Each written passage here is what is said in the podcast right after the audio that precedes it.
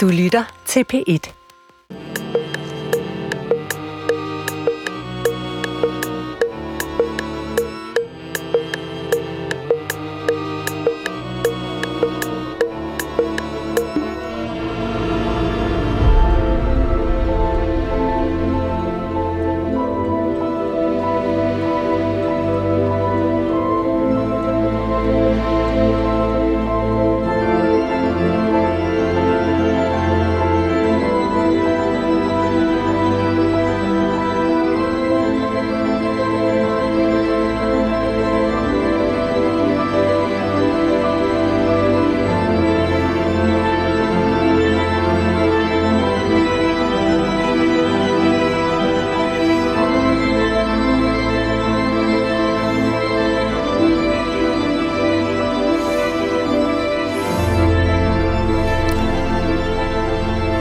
Goddag, mit navn er Peter Lund Madsen, og rigtig hjertelig velkommen til Hjernekassen på P1. Og Hjernekassen regi er i dag en stor dag. På næsten alle måder. Øh, I går var jeg til tandlægen, mistede en tand, øh, men det opvejes til fulde af, at det i dag er stort set ni år siden, at vi for første gang sendte Hjernekassen på P1. Og dengang der stillede vi med det stærkeste hold, og et medlem af det stærkeste hold er også gæst i dag, Michael Linden Vørne. Og et anden, en anden gæst, vi har med i dag, har også været i Hjernekassen nærmest i gange, også som et medlem af det, vi kalder det stærkeste hold. Så i dag er det en fødselsdagsudgave, og det er også en udgave, hvor vi, og det er vores største fornøjelse, efterkommer et lytterønske. Mads Amstrup Fournet sender os en mail med, så man skriver en idé til et program.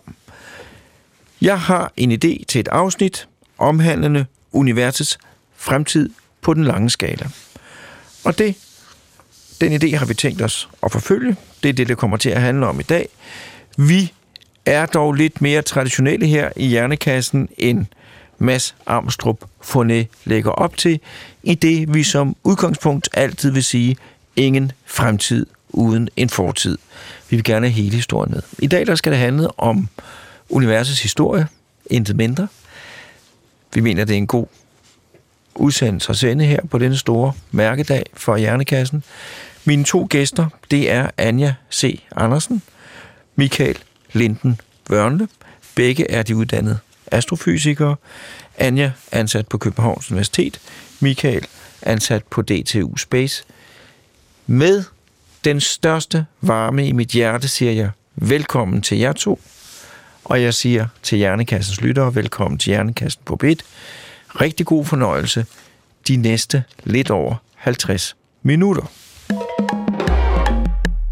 Du lytter til Hjernekassen på P1 med Peter Lund Madsen. Det er rigtigt, i dag der skal det handle om universet, og det skal handle om universets fortid og fremtid.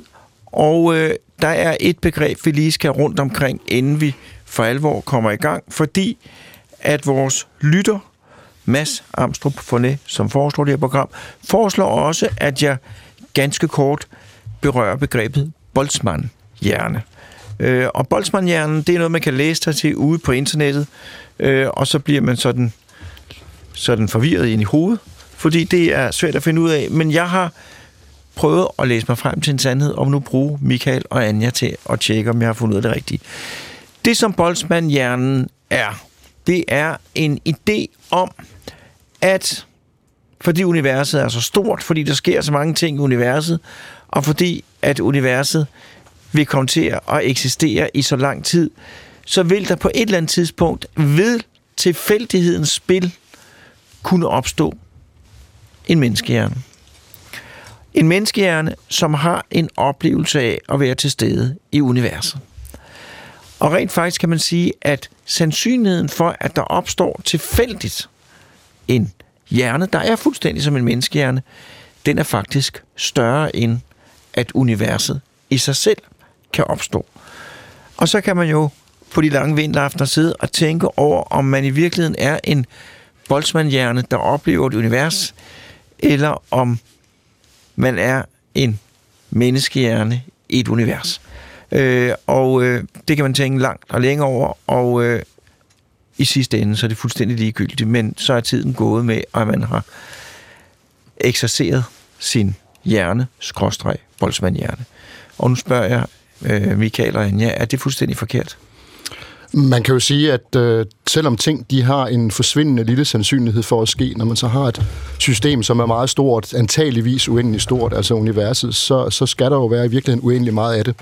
Øh, det er sådan en konsekvens af uendelighed. Nu ved vi ikke, om universet rent faktisk er uendelig stort, men det, det er det, vores observationer og målinger tyder på. Så det korte svar, det er, det er ja, øh, kan man men sige. Men det, jeg så bare ikke kan helt få til at hænge sammen, ikke? det er, at hvis man nu i det her univers fik en boltzmann der kunne skabe en oplevelse af virkelighed, mm. så ville den jo også kunne skabe oplevelser af uendelig mange forskellige virkeligheder. I princippet, Men i og med, at mm. der er uendelig mange, så vil en af dem skabe en oplevelse af det univers, som jeg forestiller mig, vi lever i. Mm. Og allerede der, så er vi altså langt ud over pensum, kan man sige. Jeg vil sige, det jeg bliver mærke i, det er, at du er så beskeden. Du kunne jo også have overvejet, at du var universet, der sad og kiggede på hjernen. Nu er du psykiater, tænker jeg. Jamen, det, det, er noget, det er noget, jeg overvejer dagligt. øh, øh, men, øh, men, øh, men nu er jeg så øh, bragt ned på jorden igen, fordi jeg har fået en skriftlig meddelelse fra min producer, hvor der står, øh, din, din, øh, din, din dunjakke larmer, kan du tage den af? Og det vil jeg gøre mens jeg siger velkommen til Michael og Anja. Og jeg vil starte med dig, Anja. Kan du ikke ganske kort besvare to spørgsmål? Fortæl lidt om dig selv, og hvad laver en astrofysiker? Jo, så øh, jeg er ekspert i det, der hedder kosmisk støv, og det vil sige, at jeg er faktisk øh, interesseret i de små faste partikler, som er små røgpartikler, som vi har observeret findes i galakser mellem stjernerne. Og øh, så kan man sige, hvorfor skulle det være interessant? Men det er simpelthen, fordi det på overfladen af støvkorn er de komplekse molekyler, som blandt andet liv er lavet af, øh, opstår. Og vi vil gerne forklare, hvorfor finder vi komplekse molekyler ude i et univers, som faktisk er ret fjendtlige mod komplekse molekyler. Så det, at de er der, betyder, at de hele tiden bliver produceret, så tænker vi, hvor bliver de dannet hen? Og så er det faktisk også støvkorn, som ligger til grund for planetdannelse og hvilke type stjerner der er. Så på den måde, så kan man sige, jeg er egentlig på en måde meget i det nære univers, selvom galakser jo er spredt ud over det hele. Øh, og så, så, hvad hedder det, øh, og så tager Michael sig af det mere fjerne univers. Ja. Ja, det kan man godt sige. Øh, en af de ting, jeg har rodet med i, i mange år, det er eftergløden fra, fra Big Bang, øh, som kan ses som en meget svag meget jævn øh, stråling på hele himlen. Ikke noget, man kan se med øjet eller med et teleskop, men øh, hvis man har en radioantenne, så kan man faktisk fange det. Hvis man tager en gammeldags radio, så den støj, man hører, der cirka 1% af den støj, det er eftergløden fra, fra Big Bang. Øhm, og det har vi lavet observationer af med en europæisk satellit, øh, Planck, som lavede de her målinger fra 2009 til 2012. Og det er sådan set egentlig vores udgangspunkt for, for den beskrivelse, vi har af universet, sammen selvfølgelig med andre målinger. Men den her opmåling af eftergløden fra, fra Big Bang, det har været med til, at vi kunne fastlægge rammelovgivningen for, hvordan vores univers det er skruet sammen. Og når jeg tidligere sagde, at vi går rundt og siger, at vi mener, at universet er uendeligt stort, så det er blandt andet derfor, kan man sige. Men det, vi har fundet ud af ved at studere øh, universet på stor skala, det er jo, at universet er underligt sammensat. Altså, det er virkelig kun cirka 5% øh, af universet, der består af det stof, altså de atomer, som vi er lavet af, både levende og døde ting. Og resten, de 95%, ja, det er noget, vi kalder mørkt stof, som vi ikke kan se, men som har tyngdekraft, og så noget, vi kalder mørk energi, som øh, vi ikke kan se, men som virker som en omvendt øh, tyngdekraft. Og det er vi faktorer, der i virkeligheden kommer til at spille en afgørende rolle for vores fortælling om universets øh, skæbne på, på den lange bane. Det var en god start. Øh, jeg skal lige supplere op, at øh, den musik, vi spillede i indledningen, det var musikken, øh, filmmusikken fra filmen Interstellar, og det er Hans Zimmer, der har skrevet den. Og så havde jeg egentlig tænkt mig, at vi ville gå meget direkte frem øh, og er I begge to i fællesskab, deltager i samtalen, og øh, vi vil lægge ud med at udrydde en misforståelse. Øh, for det, for almindelige mennesker, at det hedder Big Bang, det får os jo til at tænke, at så var der en stor eksplosion, der startede det hele. Men hvordan startede alting i virkeligheden? Jamen, øh, det ved vi reelt set ikke. Øhm, ligesom så meget andet, så er Big Bang-teorien, det er jo falsk markedsføring, fordi den handler ikke om Big Bang. Og den handler slet ikke om tiden før Big Bang, fordi nogen siger, at jamen, det giver ikke nogen mening at spørge om, om før Big Bang, fordi vi ved ikke engang, om tiden eksisterede, men det giver da i allerhøjeste grad rigtig god mening. Jeg synes, det er et sindssygt spændende spørgsmål. Problemet er lige nu, at øh, vi har ikke mulighederne for at sige noget om, hvad der skete i selve Big Bang og før. Og det vi mangler, det er i virkeligheden en teori, hvor alle fire naturkræfter, at de øh, hænger sammen. Øh, vi har de tre af dem. Vi har den stærke kernekraft, den svage kernekraft og elektromagnetismen. De er beskrevet samlet, men øh, vores gamle ven tyngdekraften, den nægter hårdnakket og lader sig kombinere med de andre. Og øh, indtil det kan lade sig gøre, så kan vi ikke sige det. Så det vi egentlig kan beskrive med Big Bang-teorien, det er tiden fra lige umiddelbart efter Big Bang og så frem til, til i dag. Og, og det er rigtigt, øh, langt de fleste populære fremstillinger af Big Bang, det er sådan noget med, at hele universet var samlet i en lille bitte klump, og så torsdag eftermiddag ved halv fire tiden, så bum, sagde det så, og så eksploderede den og røg ud til alle sider og sådan noget. Ah, forkert svar, det har ikke noget med Big Bang at gøre overhovedet. Universet var, da det blev født, uendelig stort. Vi, som sagt, vi ved ikke præcis, om det er, men det ser det ud til, det er. Så universet er samtidig uendeligt stort, og så også uendeligt tæt presset sammen. Når man siger uendeligt to gange i samme sætning, så springer propperne normalt i hovedet på de fleste mennesker, inklusive undertegnede. Så når man siger, det fatter jeg ikke, velkommen i klubben, sådan er livet, når man er kosmolog. Øhm, og det, vi egentlig står med, det er altså et univers, som er ufattelig varmt og ufattelig tæt. Og, og de spændende ting, de sker i virkeligheden i øh, de allerførste minutter, der får vi dannet de første atomkerner. Øh, og alting er så et kaos af lys og varme, men universet udvider sig, køler af. Stoffet er ikke fuldstændig jævnt fordelt. Der er sådan nogle steder, der er lidt mere, nogle steder er lidt mindre. Og efterhånden, som universet efter Big Bang udvider sig, så kan tyngdekraften tage fat og få tingene til at klumpe sig sammen. Og når man tager den her gas, der så bliver dannet i Big Bang, som primært er brint og helium, når det bliver presset sammen, så bliver det til stjerner, og stjernerne de producerer så senere de tungere grundstoffer. Når stjernerne dør, bliver grundstofferne spredt ud i rummet, så opstår der planeter, så opstår der liv, og så sidder vi her og siger bum. Og det er jo faktisk derfor, at øh, Michaels forskningsområde er så interessant, ikke? fordi at, at Michael med den der, han snakker om eftergløden, det er jo så der, hvor vi kan sige, det er den fjerneste observation, eller længst tilbage i tiden observation. Det er der, hvor vi får det første lysglimt, den første varmeglød, kalder vi det i dag, fra Big Bang. Så det vil sige, det, det er så langt tilbage, som vi kan se, og så er der jo alt det inden, vi ikke kan se, øh, som vi derfor ikke kan sige noget om. Men ved at kigge i meget, meget stor detalje på den der, hvad skal man sige, det er nærmest sådan helt, man skal forestille sig lidt sådan en, en væg af, af, af lys, fordi det er første gang, universet frigiver lys. Samtidig med, at de, at de to Øh, enkle grundstoffer, hydrogen og helium, bliver dannet. Ved at studere det, så kan vi nemlig sige noget om måske den mørke energi, og hvordan grundstofferne bliver til øh, ikke så meget, nej, ikke mørk energi, mørk stof, ikke? så vi kan sige noget om, om tyngdekraften. Og, og noget af det, der er svært at forklare, det er jo, at når man kigger i den del af universet, jeg er i, det nære univers, så er der rigtig mange galakser.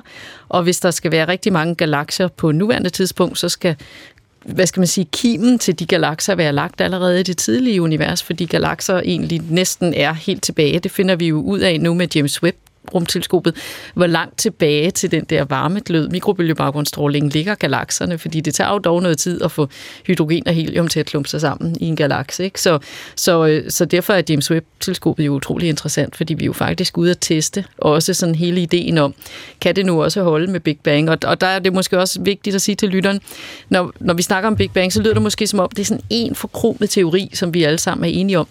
Og i virkeligheden er der måske sådan 120 forskellige varianter af Big Bang-teorien, fordi at det folk er enige om, det er, at universet har været kompakt og varmt. Men det kan man, og så har det udvidet sig, og det kan man altså være på rigtig mange måder inden for fysikkens love, så detaljerne omkring, hvordan man er det, det er vi ikke enige om. Og det er jo så noget af det, som Michaels observationer er sådan det første, man kan se i universet, kan være med til at slå nogle af de der idéer ihjel, kan man sige, så vi ved, om sådan er det ikke, og så står der jo noget tilbage, hvor vi tænker, om så længe det ikke, at de idéer ikke kan modbevises, så kan det være noget af det. Så, så det er virkelig det, vi arbejder med i det helt tidlige univers, det er faktisk at prøve at, at forstå, jamen, hvordan kan det være forhistorien? Hvordan kan det være det, der har, har givet det, vi kan se i dag? Ja, det kan man jo også brede ud til helt generelt at gælde alle vores videnskabelige undersøgelser, det her med, at man kan ikke bevise noget rent videnskabeligt. Så når nogen siger noget er blevet videnskabeligt bevist, så er det noget sludder og røv. Lyt ikke til dem. Øhm, det man kan med videnskab, det er sandsynliggøre. Så vi kan komme og sige, med de målinger, vi har, og det er jo altid en balancegang, det var jo Tycho Brahe, der i sin tid introducerede det, vi kalder for den naturvidenskabelige arbejdsmetode, den her vekslen mellem at gøre sig nogle overvejelser, lave nogle hypoteser, og få sig nogle idéer om, hvordan verden er skruet sammen, og så gå ud og lave nogle observationer, nogle målinger, så man kan netop sige, okay, det her, det holder ikke. Og der bøjede Tycho Brahe jo sig for sine målinger, selvom de egentlig viste noget, han ikke var så begejstret for. Fordi dengang, der var den hotte diskussion jo, om det var jorden eller solen, der var centrum i universet. Og Tycho Brahe var egentlig mest til, at det var solen, der skulle være centrum. Og så tænkte han, hvis solen er i centrum, og jorden ligger og kredser rundt om, om solen, så burde vi kunne se, at stjernerne de flytter sig, når den kredser rundt om. Og så lavede han målinger, men han havde ikke instrumenter, der var gode nok til at kunne se de her bevægelser, som rent faktisk er der. Og så måtte han jo bøje sig for sine målinger og sige, men jorden må så åbenbart ligge stille øh, som centrum i universet, så det alt andet, der kredser rundt øh, udenom. Og det er jo så det her vigtige pointe, det er, at videnskab, det handler ikke om sandheden. Videnskaben handler ikke om rigtigt og forkert. Videnskaben handler om den bedst mulige, skråstreg, mindst dårlige forklaring. Og en videnskabelig teori er jo det ypperste, som, som videnskab kan frembringe, og det er netop den her kombination af teoretisk grundlag, og så den empiri, eller de målinger, som så er med til at sige, okay, det her det er i hvert fald ikke den helt skæve forklaring på, hvordan det er, men det kan være i morgen, om et år, om et år 10, om 100, så er vi nødt til at smide det væk og erstatte det med noget andet. Og det Tycho Brahe manglede, det var faktisk en kikkert. Altså, fordi han, ja. han lavede observationer med det blotte øje. Øh, så der, det var faktisk, vi skulle helt op til 1850, altså sådan 150 år efter, at han lavede observationerne, før at, øh, at hvad hedder det, at man kunne se det, som han egentlig havde forventet at se, men som man ikke kunne se med øjet, fordi universet var meget større end Tycho Brahe havde forestillet sig. Og det er måske det, der har kendetegnet, kan man sige, al astronomi. Det er, at hver gang vi tror, at universet er virkelig stort, og vi har tænker, nu er det virkelig stort, ikke? så laver vi nogle observationer, fordi vi får en bedre kikkert, og så viser sig, at universet er endnu større, end vi havde forestillet sig. Ikke? Og det øh, vil jeg lige udfordre Michael. Tror du, at James Webb bliver det samme? Altså, for det kan jo faktisk godt blive et af resultaterne af James Webb. Det er, at vi igen får syn på sagen, og skal leve med et univers, som egentlig er større endnu. Jamen, det slår aldrig fejl. Hver eneste gang, vi får et nyt teleskop, som er større, eller kan se nogle ting, vi ikke kunne se før, så dukker der jo altid et eller andet op, som selv den mest begavede, øh, dygtige forsker ikke har drømt om. Øhm, og vi har jo ikke rigtig et godt begreb på, på dansk, men englænderne har det her fine begreb, der hedder serendipity. Vi har også begyndt at sige serendipiditet på dansk. Det er sådan en rigtig tunge twister, ikke? Men altså evnen til at opdage noget værdifuldt, uden bevidst at lede efter det. Og det er jo klart, når man bygger et rumteleskop som James Webb, så er det jo klart, så har man jo en, en giraflang liste over ting, man gerne vil undersøge. Øh, men det nederste punkt på listen, det er jo det, som man ikke har skrevet på, for det er det, man ikke ved, hvad er. Man kan ikke lede efter noget, man ikke ved, hvad er, men lurer mig om, der dukker et eller andet op, som, som, som ingen har tænkt på. Og det er jo netop der, den spændende videnskab i virkeligheden kan, kan komme, som netop kan være med til at introducere de her, som vi kalder dem, paradigmeskift. Altså eftergløden fra øh, universets fødsel øh, den blev også opdaget ved en tilfældighed. De to astronomer, Arno Penzias og Robert Wilson, de var i gang med, med en radioantenne og lede efter øh, gasskyer øh, uden om Mælkevejen. Øh, og så finder de ud af, at deres antenne er fuld med duelort, og så får de renset antennen for duelort, og så finder de ud af, at det er ikke det, der skaber støj i antennen, det var simpelthen eftergløden fra Big Bang, finder de så først ud af senere. Men det er jo sådan et eksempel på, at man er i gang med et eller andet, ikke så meget duelort, men mere at studere øh, universet, og så dukker der et eller andet op, som, som, som ingen havde regnet med, og det kan så fundamentalt set ændre vores syn på, hvordan øh, vores verden er skruet sammen. Jeg kan sige til Ty, Ty Bras øh, glæde, at morgen og jeg har lige været på et øh, observatorium i Kalifornien, hvor der var en udstilling til offentligheden, og der var en stor del af den udstilling, der var videt til Tycho Brahe som en del af astronomiens historie. Ja, for det er jo også i år 450 år siden, at Tycho Brahe første gang observerede Stella Nova, altså den nye stjerne på himlen i stjernebilledet Cassiopeia. Var det Mount Wilson, I var på? Nej. Nej.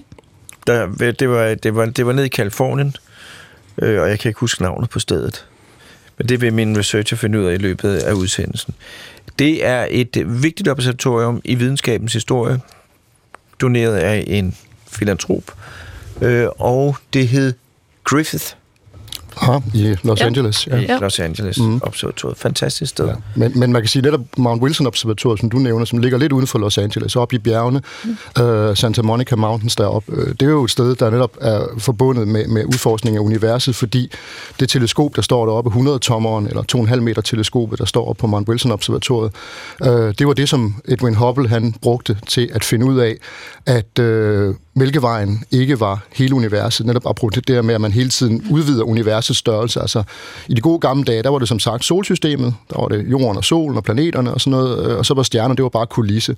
Og så finder så den, den tyskfødte engelske astronom William Herschel, ham der opdagede Uranus, han tænker så, ah, de der stjerner, det er måske sådan en stjerneby, så det er så Mælkevejen. Så troede man, det var hele universet. Men så finder Edwin Hubble så ud af i midten af 1920'erne, at, at Mælkevejen er bare en blandt mange, måske utallige galakser i universet. Og så finder han jo ovenikøbet ud af nogle år senere, i 1929, at de her galakser, de ser ud til at bevæge sig væk, øh, fordi universet det udvider sig. Så han lavede altså virkelig to banebrydende opdagelser. Han for det første gjorde han Mælkevejen til bare en galakse blandt mange. Altså på den måde virkeligheden gjorde universet meget større. Ikke? Det var jo havde den størrelse, det har, men indså, at universet var meget større, og fandt så ud af, at universet heller ikke er uforanderligt og statisk, men faktisk er dynamisk og forandrer sig.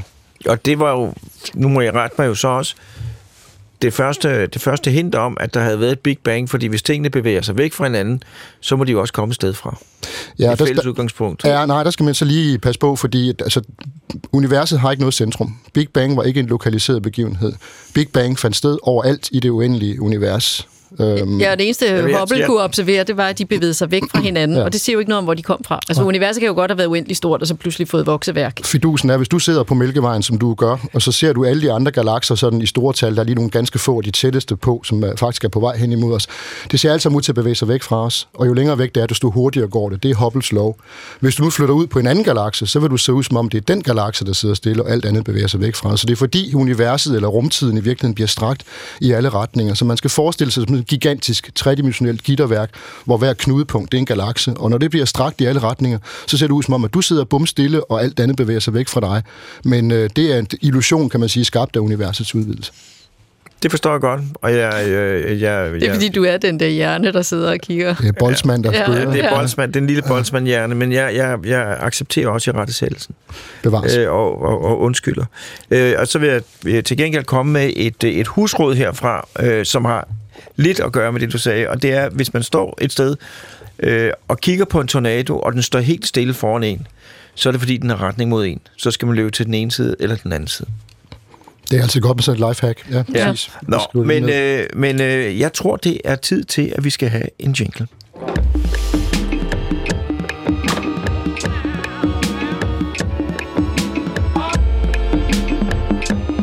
Lytter til Hjernekassen på P1 med Peter Lund Madsen. Og i dag der handler Hjernekassen på P1 om universet, øh, og øh, det handler også om universets historie og universets fremtid. Øh, og vi har bevæget os lidt rundt om emnet indtil videre. Øh, har I sagt nok om historien til, I kan gå ud og begynde at tale om fremtiden, eller er der noget, I gerne lige vil være med omkring forhistorien, inden vi går videre? Jeg tror lige, vi er nødt til at tage fat i vores gamle ven Albert Einstein, øh, fordi man kan sige, Big Bang-teoriens, det teoretiske fundament på den, det er hans almen eller generelle relativitetsteori. Øhm, og øh, den bliver offentliggjort sådan i 1915-16 stykker, og i 1917, der sidder Einstein selv og prøver at regne på hele universet. Og til Einsteins store forundring, så ser han, at øh, universet det er dynamisk. Altså, hvis det har indeholder meget materiale, så vil tyngdekraften trække det sammen hvis det ikke indeholder særlig meget materiale, så kan tyngdekraften ikke holde sammen på det, og så udvider det sig. Og, og det var jo altså i lodret modstrid med den forståelse, man havde af universet i 1917. Der var ikke noget, der gjorde noget som helst. Alting var bare fast og statisk stort set. Så Einstein han gjorde naturligvis det eneste fornuftige. Han snød, øh, indføjet et ekstra led i sine ligninger, øh, som en form for omvendt tyngdekraft, som han kunne bruge til at finjustere sit univers, sådan at han kunne gøre det stabilt. Øhm, og øh, den her snydefaktor, som så senere hen er blevet kaldt den kosmologiske konstant, der skulle Einstein så i 1930'erne, da han så hører om, om øh, Edwin Hubbles opdagelse af universet, så åbenbart er foranderligt, at det er dynamisk, at det ser ud til at udvide sig, øh, skulle han så have sagt, at det var hans livs største fejltagelse, han havde puttet den her faktor ind. Men når man nu er Albert Einstein, så selv når man kvejer sig, så kommer der noget genialt ud af det, for det har faktisk vist sig, at den her kosmologiske konstant, den lige præcis beskriver de egenskaber, vi ser ved det, vi kalder for den mørke energi, som udgør omkring 70 procent af universets energitæthed, og som faktisk er den dominerende faktor, fordi det får universets udvidelse til at gå hurtigere og hurtigere. Så den forudsagde Einstein med, med virkelig med et helt andet formål faktisk, øh, da han øh, tænkte den her faktor ind. Men som mange fysikstuderende før ham, så fik Einstein øh, foretegnet forkert. Ikke? Ja, det er altid det, der er svært i fysik. Ja, det, det er, om det er et plus eller et minus. Præcis mørk energi. Forstår du det sådan helt grundlæggende, Michael? Nej, men vi forstår effekten af det, øh, og effekten er netop som sagt, at det får universets udvidelse til at accelerere, altså gå, gå hurtigere. Men vi ved ikke, hvad den mørke energi er. Øh, og vi ved heller ikke, hvad det mørke stof er. Det mørke stof, det har tyngdekraft. Øh, det er sådan, at for eksempel galakser som Mælkevejen, sådan rundt regnet 90 procent af Mælkevejen og alle de andre galakser, det er mørkt stof, som vi ikke ved, hvad er. Vi har en forestilling om, at det måske er sådan nogle partikler, øh, man kalder nogle af kandidaterne for WIMPs, Weakly Acting Massive Particles, altså svagt vekselvirkende tunge partikler, i modsætning til for eksempel neutrinoer, som er meget lette, svagt vekselvirkende partikler. På et tidspunkt troede man netop de her neutrinoer, da man opdagede dem, øh, men de blev forudsagt i 1930, og så gik der nogle år, inden man, man opdagede dem i 1956, hvor laver man første gang en måling. Og så tænker man, sådan en masse partikler, det er måske det, der så udgør den her, det mørke stof.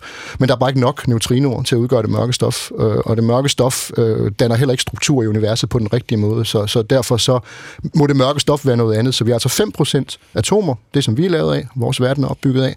Så har vi sådan cirka 25% mørk stof, og så resten, det cirka 70%, det er så den mørke energi. Så det er den opbygning, vi har i universet. Det, er det interessante ved den mørke energi, den har en meget, meget, meget speciel egenskab.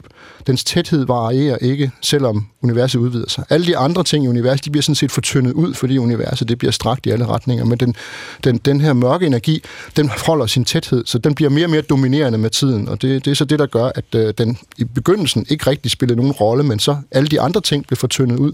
Og så på et eller andet tidspunkt, for nogle milliarder år siden, så tager den mørke energi over og begynder altså at få universets øh, udvidelse til at gå hurtigere. Og jeg vil sige, at hvis lytteren er svimmel her, så kan jeg godt forstå det, fordi jeg, jeg er stadigvæk på det hold, der lidt håber på, at mørk energi går væk en dag. At det viser sig, at det er en fejlobservation eller sådan noget, fordi jeg tænker, så har min hjerne det svært, fordi det virker jo som et meningsløst univers. Altså, hvad har det gang i, det der univers med at udvide sig hurtigere og hurtigere, så det hele bliver fortyndet, ikke? Det er jo sådan Altså, det er jo ligesom sådan en god suppe, man bare bliver ved med at hælde vand i. Ikke? Så, så jeg håber jo på, at mørk energi måske er det, der kan forene tyngdekraften med de tre andre, når vi ligesom har forstået, hvad det er, mm. eller forstået, hvorfor vi tog fejl, eller fundet en anden fortolkning af observationerne. Men det er jo lidt ligegyldigt, hvad jeg synes, og hvad jeg tror, og hvad jeg godt kunne tænke mig, og hvad der giver mening i mit, sådan, mit lille husmoragtige univers. Fordi det er jo observationerne, der tæller, ikke? Så, så vi bliver jo ligesom bare nødt til, ligesom Tycho Brahe, som jo heller ikke fik det svar, som han havde forventet af universet, så så, må vi jo observere, og så må vi jo tage til takke med, med det, vi observerer, og prøve at få mening i det, indtil vi observerer noget andet. Ikke? Jo, men jeg synes jo, du skal jo bare trøste dig med, med det faktum, at, øh, at, at, de, at nu, nu vil jeg sige, din lille hjerne, og det er jo ikke rigtigt, din store hjerne, den er jo, den er jo skabt til at, at, at, at, at leve et menneskeliv. Øh, og, og leve den virkelighed, som hjernen skaber for dig. Og der er ikke plads til hverken sort energi eller mørk stof. Øh, så derfor så, så er den slet ikke skabt til at forstå det. Men det er det jo alligevel, fordi vi kan jo ikke lade være med at stille spørgsmålet, kan Nej. man sige. Ikke? Så vi kan jo ikke lade være med at forundre os, og måske er, at det er det vigtigste, det der med at forundre sig og blive ved med at stille spørgsmål. Fuldstændig. Ikke? Men, men, men hvis den holder mørk energi, så kan vi jo så godt sige, til det niveau, vi forstår mørk energi noget om fremtiden. Fordi så, så, så kommer den jo til at dominere den fremtid, universet går i møde, kan man sige. Ja. Fordi der bliver mere og mere mørk energi, og universet udvider sig hurtigere og hurtigere. Det accelererer Men koncentrationen bliver den samme, kan man sige. Ja, tætheden er den tætheden samme. Tætheden er den samme, ikke? Ja. Men, men, men alt det andet bliver fortyndet. Mm. Så, så, så, så mængden af, der kommer altså større afstand mellem galakserne ja. og, og, og det mørke stof. Så, så der, der bliver mere og mere ingenting på en eller anden så. måde. Mere og mere vakuum i det her accelererende univers. Og så, så bliver det store 10.000 kroner spørgsmål, det bliver jo så lidt, hvad sker der så, når accelerationen er nået op på lysets hastighed? Og så kigger jeg over på Michael. Ja, men igen, der skal man jo så huske på, at, at øh, udvidelsen, det er jo ikke en bevægelse. Så, så det der med lysets hastighed, det er sådan lidt, lidt øh, specielt at tage det med, fordi man kan sige, det ser ud som om, at galakser, der ligger langt væk, at de bevæger sig væk fra os med en hastighed, der er langt større end lysets i virkeligheden. Men det er jo den her illusion skabt af, af universets øh, ekspansion. Øhm, men men altså, der er jo flere elementer i det, fordi man kan sige, Øh, en ting er universets overordnede udvidelse, men noget andet er så også universets indhold af stof. Altså, hvad sker der med det? Og, og øh, hvad hedder det? Der er det jo sådan, at hvis vi siger, der er, øh, selvom universet er uendeligt, dermed er der uendelig meget stof i universet, men lokalt i hvert fald, der er der jo kun en vis mængde, for eksempel øh, brint og helium, til at lave stjerner. Og den brint og helium ligesom er opbrugt, så kan vi ikke lave flere stjerner. Så, så er der lukket og slukket for stjerneproduktionen. Ja, og, så bliver galakserne lidt kedelige. Ikke? Ja, præcis, så er de bare døde stjerner, og, ja. og, og planeterne ligger omkring døde stjerner, og der er jo altså noget med, med energien fra stjernerne, som er det, der holder os i live. Det er jo solenergi og sådan noget. Ikke? Så mm. på den måde, så, så ser vi jo, ja, mod kuldedød på en eller anden måde. På en eller anden måde, ja, præcis. Men, men igen, så, da vi jo ikke ved, hvad den mørke energi er, så ved vi jo heller ikke, hvordan den vil opføre sig i fremtiden. Så det kan jo godt være, at din, din, din vision eller din drøm, øh, dit ønske om at få den til at gå væk, at det jo faktisk kunne ske. Altså hvis man nu forestillede sig, at det var nogle eksotiske partikler, som på en eller anden måde genererer den her mørke energi, at de så måske forsvinder, de henfalder. Øh, det tager bare ufattelig lang tid, inden de forsvinder, men så forsvinder de, og så vil det så være stof, uanset om det er lysende eller mørk stof, som så med tyngdekraften dominerer universets udvikling. Det kan jo ikke udelukkes. Vi ved ikke, hvad den mørke energi er. Hvis vi nu går ned på et mere øh, praktisk plan, øh, hvis vi nu ser fra jordens synsvinkel, hvordan ser den nærmeste og mere fjerne fremtid ud for jorden? Ja, det har vi jo lidt mere styr på, kan Ja. man sige. Ikke? Fordi, uh, Og det vil jeg gerne høre noget om. ja, Skal jeg være bekymret? Altså, det, det kommer jo lidt an på, øh, hvad du forventer dig i livet, kan man sige. Ikke? Øh, fordi det er jo sådan, at, øh, at at solsystemet blev dannet for 4,5-6 milliarder år siden. Og, øh, og siden dengang, der er solen faktisk begyndt at lyse mere og mere. Altså, så solen, den, den bliver med tiden varmere og varmere. Øh, og det har så været nogle fordele for jorden, kan man sige. Og, øh, og den vil faktisk også fortsætte med at blive varmere. Altså, fordi det, det er det, vi kan se stjerner som solen gør, når vi kigger ud på alle de andre stjerner og prøver at, at forstå dem i deres forskellige livsfaser. Og på et tidspunkt om et sted mellem 5 til 6 milliarder år, Det er lang tid. det er rigtig lang tid. Altså, så det er ikke noget, man skal ligge vågen om natten af, vil jeg sige. Ikke? Nej. Der er rigtig, det er rigtig lang tid, og til den tid forstår vi universet meget bedre, så er det måske slet ikke noget problem. Så, øh, så vil solen have opbrugt alt det materiale, den har i sit centrum, som den laver energi af. Nemlig den laver i første omgang hydrogen om til helium, og så senere kommer den til at lave øh, helium om til kul, og så, så er det bal, så kan den faktisk ikke lave energi mere. Så ender den som en stor så, ender den, koksklump ud, eller kulklump ud i... Ja, så ender den som det, vi kalder, kalder en hvid dværg, og inden da går den igennem sådan nogle lidt for jorden kedelige faser, hvor den svulmer op, og det kommer den til at gøre helt ud til jordens bane, sådan så jorden faktisk kommer til at ligge inde i solens atmosfære. Det er formentlig ikke et super fedt sted at være for levende organismer, kan man sige. Ikke? Så, så på den måde, så, så alt, alt fornuft, når vi kigger på fysikken, siger, at jorden går under om der 5-6 milliarder år, og måske Men det er der faktisk ikke så rart at være. år. Det er mange, mange, mange Det er milliarder år, ja. Ja. ja. Så der er på den måde ikke noget at bekymre sig om. Altså, det, er- det er længere tid, end den har eksisteret indtil videre. Øhm, og og det, det virker sådan rimelig sikkert. Altså, det vil jeg godt skrive under på, at, øh, at det, det, det er...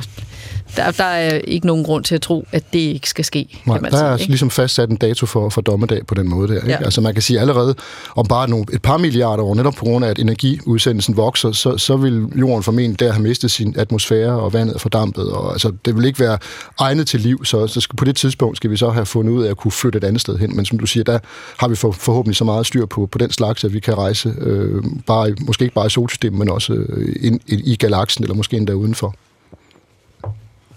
Så det der år, altså, vi skal have klaret, vi skal have klaret klim- klimaproblemerne, men overordnet set, så skal vi finde ud af at komme til en anden planet, og gerne til et andet solsystem. Fordi at i løbet af et par milliarder år, så er jorden ubeboelig. Ja, Ja. Ja. i rundetal. Ja. Men milliarder år, som du siger, det, Det er lang det tid. er rigtig god tid. Det er lang altså. tid. Øh, Så, så der er ikke nogen unge mennesker, der skal bruge det som en undskyldning til ikke at lave Heller lektier til i nogen. morgen. Altså tværtimod skal de lave ekstra mange lektier, mm-hmm. fordi det er jo dem, der skal hjælpe med at finde ud af, hvad, hvad gør vi så? ja. Men er der noget, der sker inden da?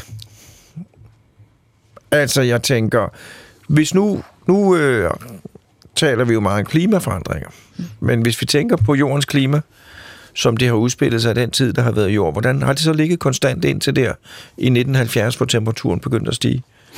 Nej, der har jo altid været, været udsving i klimaet. Der har været variationer i perioder, hvor det har været varmere, perioder, hvor det har været koldere.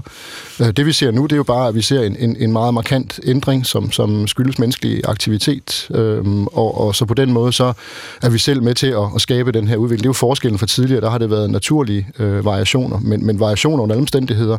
Og, og der er jo så øh, to ting. Ikke? Der er jo både det her med at sige, så må vi lade være med at lave så kraftig en påvirkning, som vi gør, øh, og så skal vi samtidig forholde os til de forandringer, forandringer, som kommer uanset hvad, øh, hvordan vi øh, rationelt og, og pragmatisk kan, kan få mest muligt ud af det i virkeligheden, og så se det som, som noget positivt, øh, og, og prøve at se, hvordan kan vi så øh, afbøde øh, effekterne af det, sådan at øh, det giver mening for os øh, mennesker. Altså det helt unikke ved klimaet, som jo helt sikkert har betydning for menneskets udvikling, det er jo, at de sidste 10.000 år har klimaet været ualmindeligt stabilt, mm. faktisk. Altså så før det, der var der mange flere sådan variationer fra, fra koldt til varmt. Det har været ret stabilt de sidste 10.000 år. Det har været super vigtigt for vores udvikling.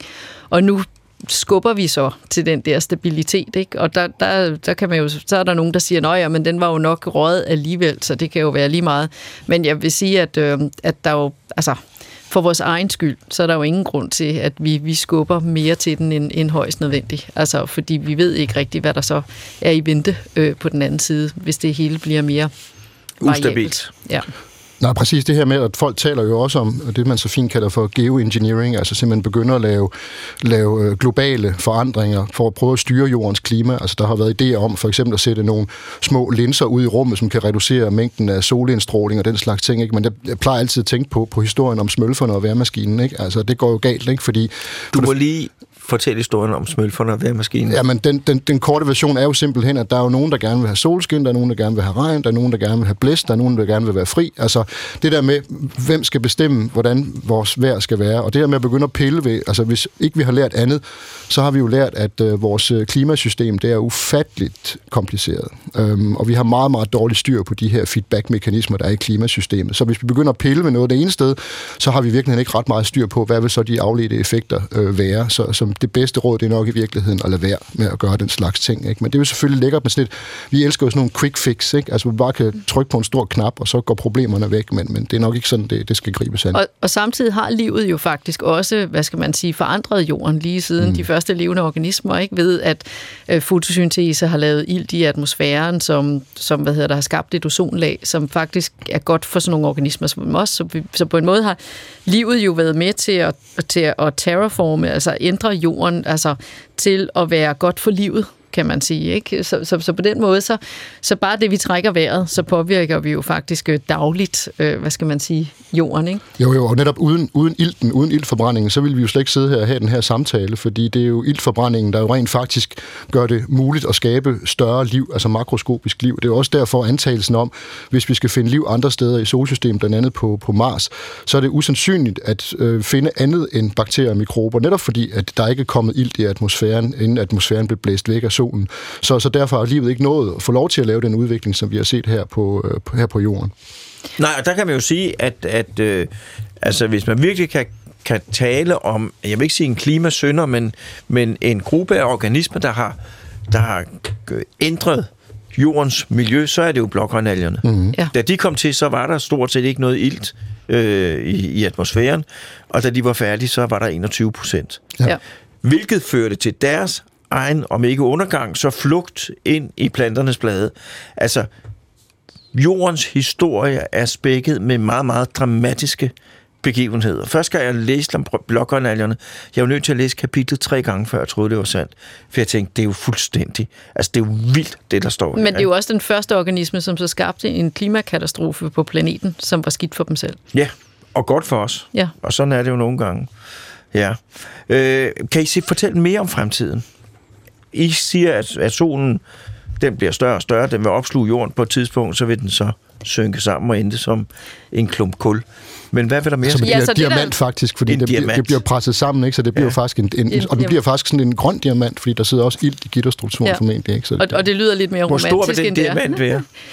Den vil... Hvad hedder den er cirka hals, den er cirka på størrelse med jorden, jorden og cirka ja. halvt så tung som solen er nu. Altså solen er omkring 333.000 gange tungere end jorden. Så 150.000 gange tungere end jorden på størrelse øh, med vores planet nu i dag. Og det, der er så problemet for planeten, øh, hvis vi var der, det er jo så, at der ikke kommer så meget lys ud fra den. Så, så derfor så, så vores energikilde på den måde, som, som livet på jorden i dag har brug for energi. Den er i hvert fald ikke eksisterende. Men ellers så sker der jo også nogle andre, sådan, øh, både, både skønne, men måske også overraskende ting, og det er, at Andromeda-galaksen, som man kan se på nattehimlen i stjernebilledet Andromeda, den er til forskel fra de andre galakser, Michael talte om, den er faktisk på vej mod os. Så er og det omkring 1,5 milliarder år, så... Øh, så, så er den så tæt på Mælkevejen, så de to galakser sådan støder sig eller bevæger sig igennem hinanden. Og det får betydning for de store skyer af gas og støv, som så støder sammen og laver en masse nye stjerner, så bliver der rigtig meget ny stjernedannelse i, i det der galaksesammenstød. Så det får betydning for, hvordan vores egen galakse kommer til at se ud. Og på, på den rigtig lange bane, så vil de to galakser smelte sammen til sådan en lidt mere rund struktur, øh, som vi kalder en elliptisk galakse.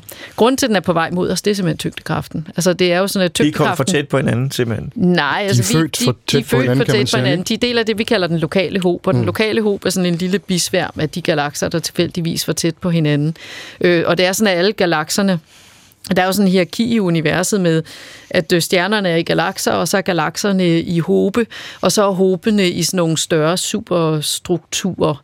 Øh, og, det, og, og når man snakker om, hvad der er på vej væk fra hinanden, så er det vel i virkeligheden, kan man sige, galaksehobene, der er på vej væk fra hinanden, fordi mm. at galakserne i hobene, de er så mere påvirket af tyngdekraften og, og vil bevæge sig øh, mod hinanden, kan man sige, og smelte sammen til, til større strukturer. Ikke? Og det har egentlig sket siden tidernes morgen, siger observationerne, at, at de første galakser, de første kim fra Michaels mikrobølgebaggrundsstråling tyder på, at de første galakser var sådan nogle ret små strukturer, som vi kalder dværggalakser, og så er de sådan, eller protogalakser, senere smeltet sammen.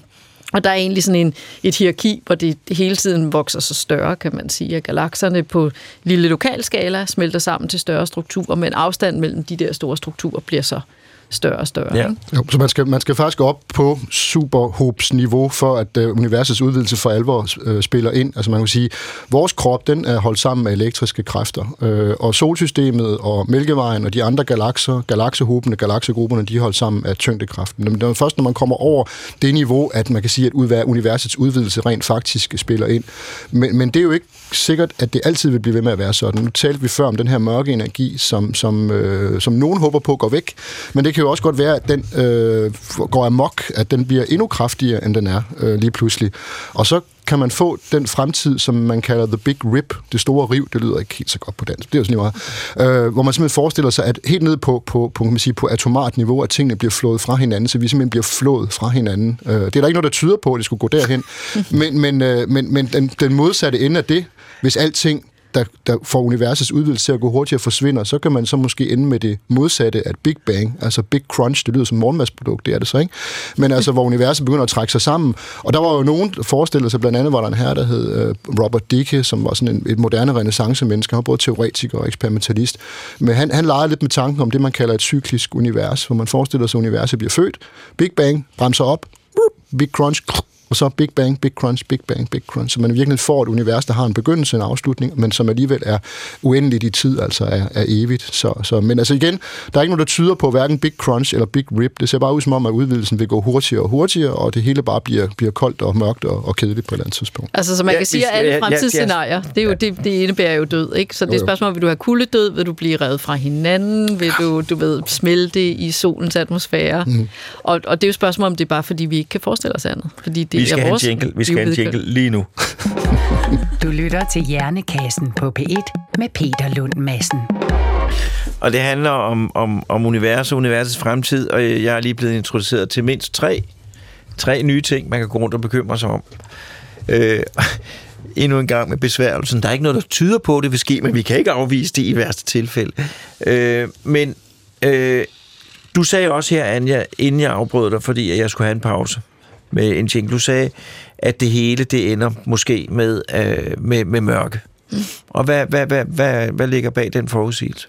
Jo, men det er jo, hvis universet egentlig bare bliver ved med at udvide sig i evighed, kan man sige. Ikke? Fordi så bliver der jo, så, så, så tyder det jo på, at når galakserne ligesom smelter sammen til lidt større galakser, i den proces får vi opbrugt alt det gas og støv, der er til rådighed til at danne nye galakser, eller nye stjerner. Så vi, vi får egentlig brudt det der kredsløb, vi kan se nu, hvor der er ligesom der bliver dannet stjerner og planeter, og så øh, hvad hedder det, dør stjernerne, hvor de sender noget nyt materiale ud, hvoraf der kan dannes nye stjerner og planeter. Så der er sådan egentlig sådan meget smuk øh, kosmisk øh, genbrugskredsløb, kan man sige, men ligesom på en losseplads, så vil der altid være noget af det der genbrug, som ikke kan genbruges. Ikke? Så på et eller andet tidspunkt, så har du ligesom ikke mere tilbage, som, som du kan genbruge og så bliver der ikke dannet nye stjerner, og så dør de stjerner, der er, og det vil sige, så bliver alle de planeter, der er, hvis de har liv, som minder om noget, som vi forstår som liv, ubeboelige, eller de bliver ikke gode for liv, og så, så får vi jo egentlig sådan en masse døde galakser, der svæver rundt med større og større afstand mellem hinanden i et univers, der bare er gået helt amok med at udvide sig, og så bliver det jo egentlig bare sådan lidt småkedeligt og lidt koldt, fordi så er der jo ikke noget, der varmer det hele op. Det hele bliver bare koldt Det, det hele ender bare som småt brandbarn, ikke? Ja. Jo. Ja. Men altså, kan man sige, at den, og nu er det virkelig en, en, en primitiv forespørgsel, men dengang universet opstod, der opstod en, en, en, en uorden. Og den orden, den bliver mere og mere ordentlig, og jo mere ordentlig den bliver, jo mere og mere mørk og stillestående bliver det hele også. Jamen, altså man kan sige, at naturen er jo sådan indrettet, at naturen søger automatisk mod den højeste grad af uorden. Ja. Øh, det er jo det, der hedder entropi, som vi taler om, som, som kan sige sidestilles med, med uorden. Det kan defineres lidt på forskellige måder, men, men man kan sige, at universet startede næsten i en tilstand, hvor alting var totalt uordentligt, fordi det var sådan en totalt rodet suppe, Øh, og hvis nu universet havde været fuldstændig sådan rodet fra begyndelsen, så ville der ikke være sket noget som helst. Fordi så ville man bare være gået fra en meget, meget varm, rodet, jævn suppe til en meget, meget kedelig, kold, rodet, jævn suppe. Grunden til, at der faktisk er sket noget interessant i mellemtiden, det var, fordi der var de her bitte små spire til struktur, som Anja har talt om, som altså gør, at når universet så udvider sig og køler af, så kan tyngdekraften tage fat i, at der er de her bitte små ujævnheder, som så kan trække stoffet sammen og begynde at lave stjerner i, i galakser, som så laver tungere grundstoffer, som så gør det muligt at lave planeter og sidenhen liv. Så, så de her spire til struktur, som stammer bogstaveligt talt fra tidernes morgen, hvor universet blev født for 13,82 plus minus 0,11 milliarder år, øh, at det var det, der ligesom var forudsætningen for, at vi ser den øh, struktur. Så man kan sige, vi lever jo, hvis man skal sådan se sådan på det, måske virkelig den her gyldne æra, hvor vi har den her fine cyklus, øh, som du beskrev før, Anja, med at stjernerne, de laver tungere grundstoffer, og beriger så gassen med de her grundstoffer osv., og vi ser planeter, hvor der kan være potentielt set liv. Det er jo også en af de ting, vi skal kigge efter med James Webb-teleskopet, altså kigge på nogle af de mange eksoplaneter, vi har fundet, der kredser, altså stjerner, øh, planeter, der kredser om andre stjerner end, øh, end solen, og har fundet nogle interessante kandidater, hvor vi vil se, om de har en atmosfære, om atmosfæren måske bærer præg af, at der kunne være liv, for eksempel hvis der er nogle blågrønne alger, der har produceret noget, noget ilt i de her planetatmosfære. Så, så på den måde er vi måske sådan i universets gyldne tidsalder, øh, og, og vi kigger ind i den her mere kolde, mørke øh, fremtid. Ja. Og uden stjerner, ingen hjerner. Hmm, altså, det. Det, det er i hvert fald det, det er fuldstændig. forskningen viser. Men den mere mørke fremtid, det er stadigvæk, må vi understrege, noget, der ligger millioner milliarder. Milliarder. Ja, milliarder. Øh, milliarder, det er milliarder. ude i, i fremtiden. Ikke? Mm. Men altså, jeg sidder jo her og tænker, øh, øh, I er jo videnskabsfolk, men I må jo sidde med den samme øh, øh, erbødighed og uforståenhed øh, og, og, og, og, og følelse af at være eksponeret for noget, noget, noget ikke guddommeligt, noget uforståeligt, når I sidder og snakker om jeres ting, fordi det er jo, det er, det, det er jo det er jo vildt, at det er nogle små ubalancer, der gør, at det hele ikke bare bliver... Ja, og, og samtidig, altså i virkeligheden, hvis man skal være sådan lidt kritisk mod det naturvidenskabelige verdensbillede, som vi her sidder og folder, udfolder, ikke? så kan man sige, at menneskeheden kommet så meget længere, fordi alle religioner har jo haft sådan nogle ravne rock-idéer om, at øh, lige om lidt, så går det hele helt basart. Øh, og, og hvad hedder det? Og, og på en måde er det jo også det, vi leverer bare i en mere Ej, jeg synes, I har en anden, ikke? en anden tidsskala. Ja, ja, vi har en anden tidsskala. Ja. Det kommer ikke lige om lidt, men, men egentlig er det jo egentlig det, som mennesker, så vidt vi ved, så længe der har været nogen, der har fældet noget historisk ned, som vi stadigvæk har, så vi har en idé om, hvad de har tænkt. Ikke? Der, har, der har mennesker jo forestillet sig, at, øh, at, at lige om lidt, så gik det hele bananas, ikke? Man kan sige, at alle kulturer har jo både haft skabelsesmyten, altså hvor kommer verden fra, øh, og så har de fleste også, og jeg ved ikke om det er alle, men i hvert fald de fleste har jo sådan også haft den her dommedags-profeti, at det går af pommeren til, at hele verden skal, skal gå under på forskellige måder. Ikke? Så det, det ligger dybt i os, den her erkendelse af, at det kan nok ikke bare blive ved. Der må ske et eller andet, mm. øh, og, og vi skal alle sammen dø. Og det må ikke lige være i dag, men, men, men altså, det, der skal ske et eller andet. Ikke? Jo, men så vil jeg bare sige, øh, en uendelig smuk ting, som videnskaben har gjort ved mennesket, det er, at den har gjort os i stand til at erkende noget, som er os grundlæggende imod. Øh, og det synes jeg er fantastisk. Øh, at, at vores hjerne er jo skabt til at forstå verden på den mest praktiske måde. Den er jo ikke skabt til at forstå verden, som den er. Den er skabt til at forstå verden, så vi kan fungere i verden. Og vi havde en gæst her engang i studiet, skulle fortælle om relativitetsteorien. Han sagde, at relativitetsteorien det er fuldstændig simpelt.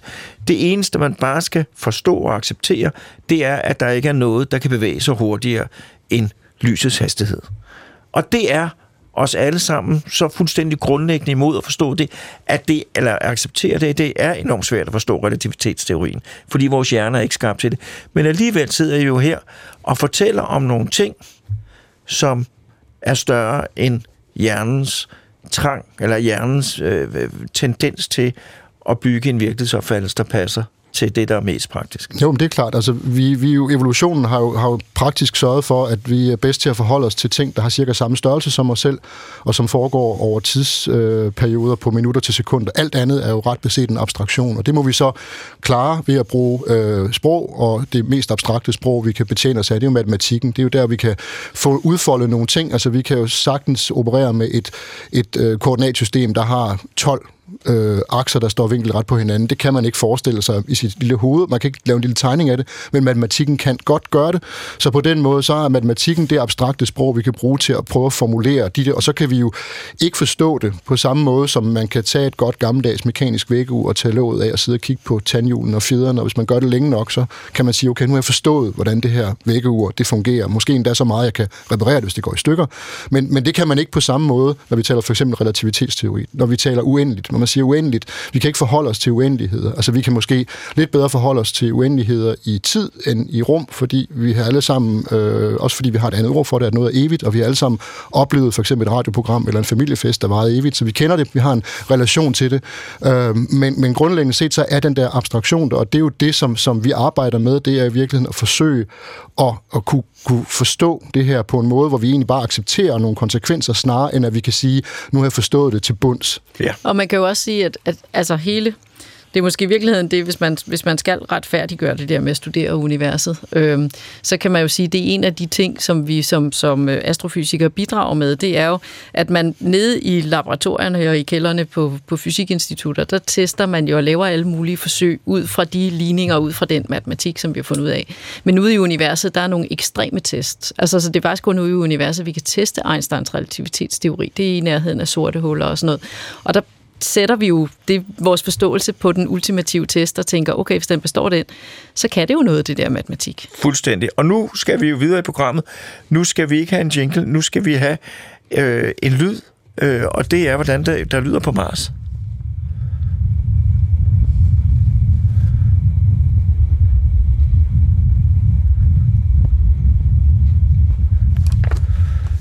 Og der vil jeg gerne spørge dig, Anja, er det sådan, det lyder på Mars?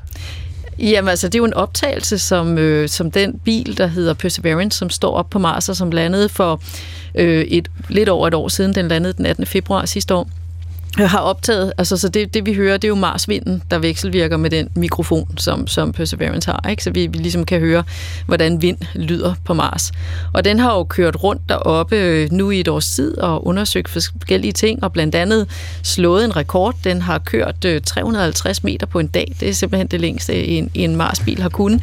Og den har gjort det helt af sig selv, altså fordi Mars ligger så langt væk, så det, så det tager signalet noget tid at nå derop, så man kan ikke sidde med sådan en joystick og styre styre. Altså, så, det, så, så den første bil, man havde deroppe, det var sådan lidt stop and go. Man sagde, kør en meter frem, og så sendte, sendte et billede af, hvordan det ser ud, og så fortæller vi dig, hvor langt frem du skal køre.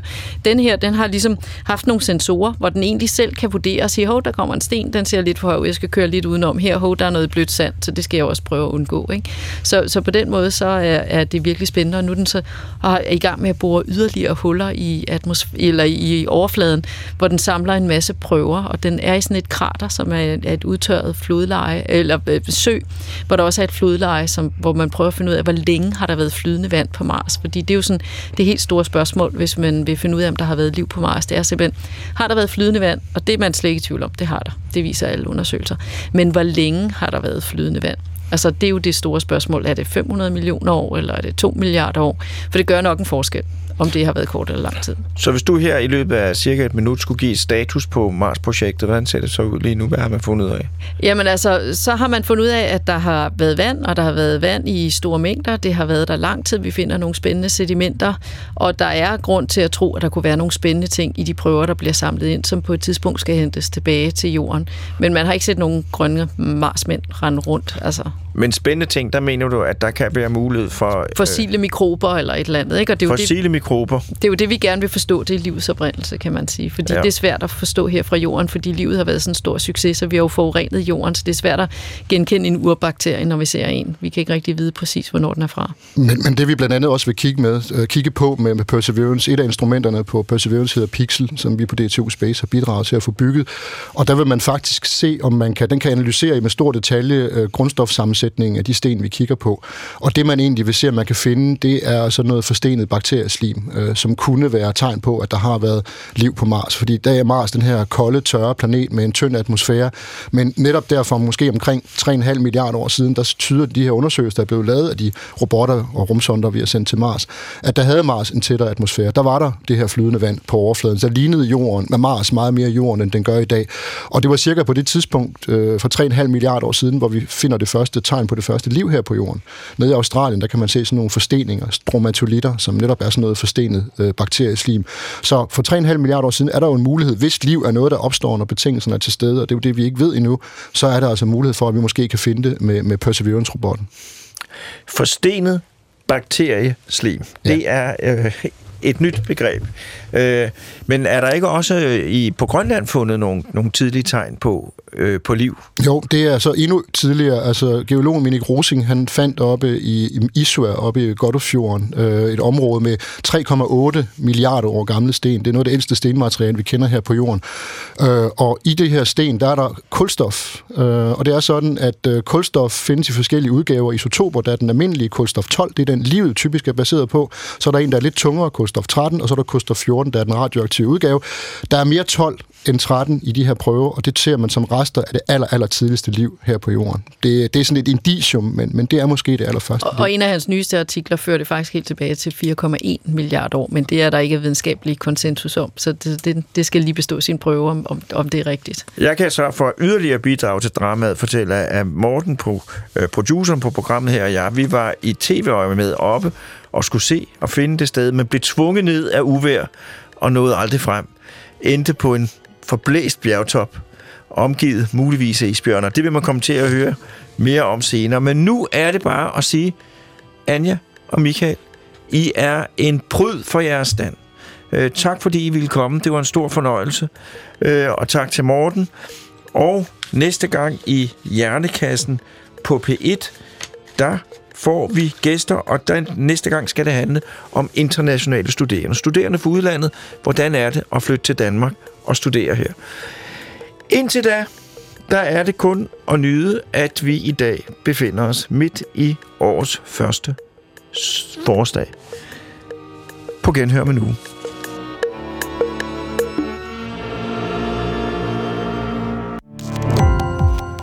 Gå på opdagelse i alle DR's podcast og radioprogrammer. I appen DR Lyd.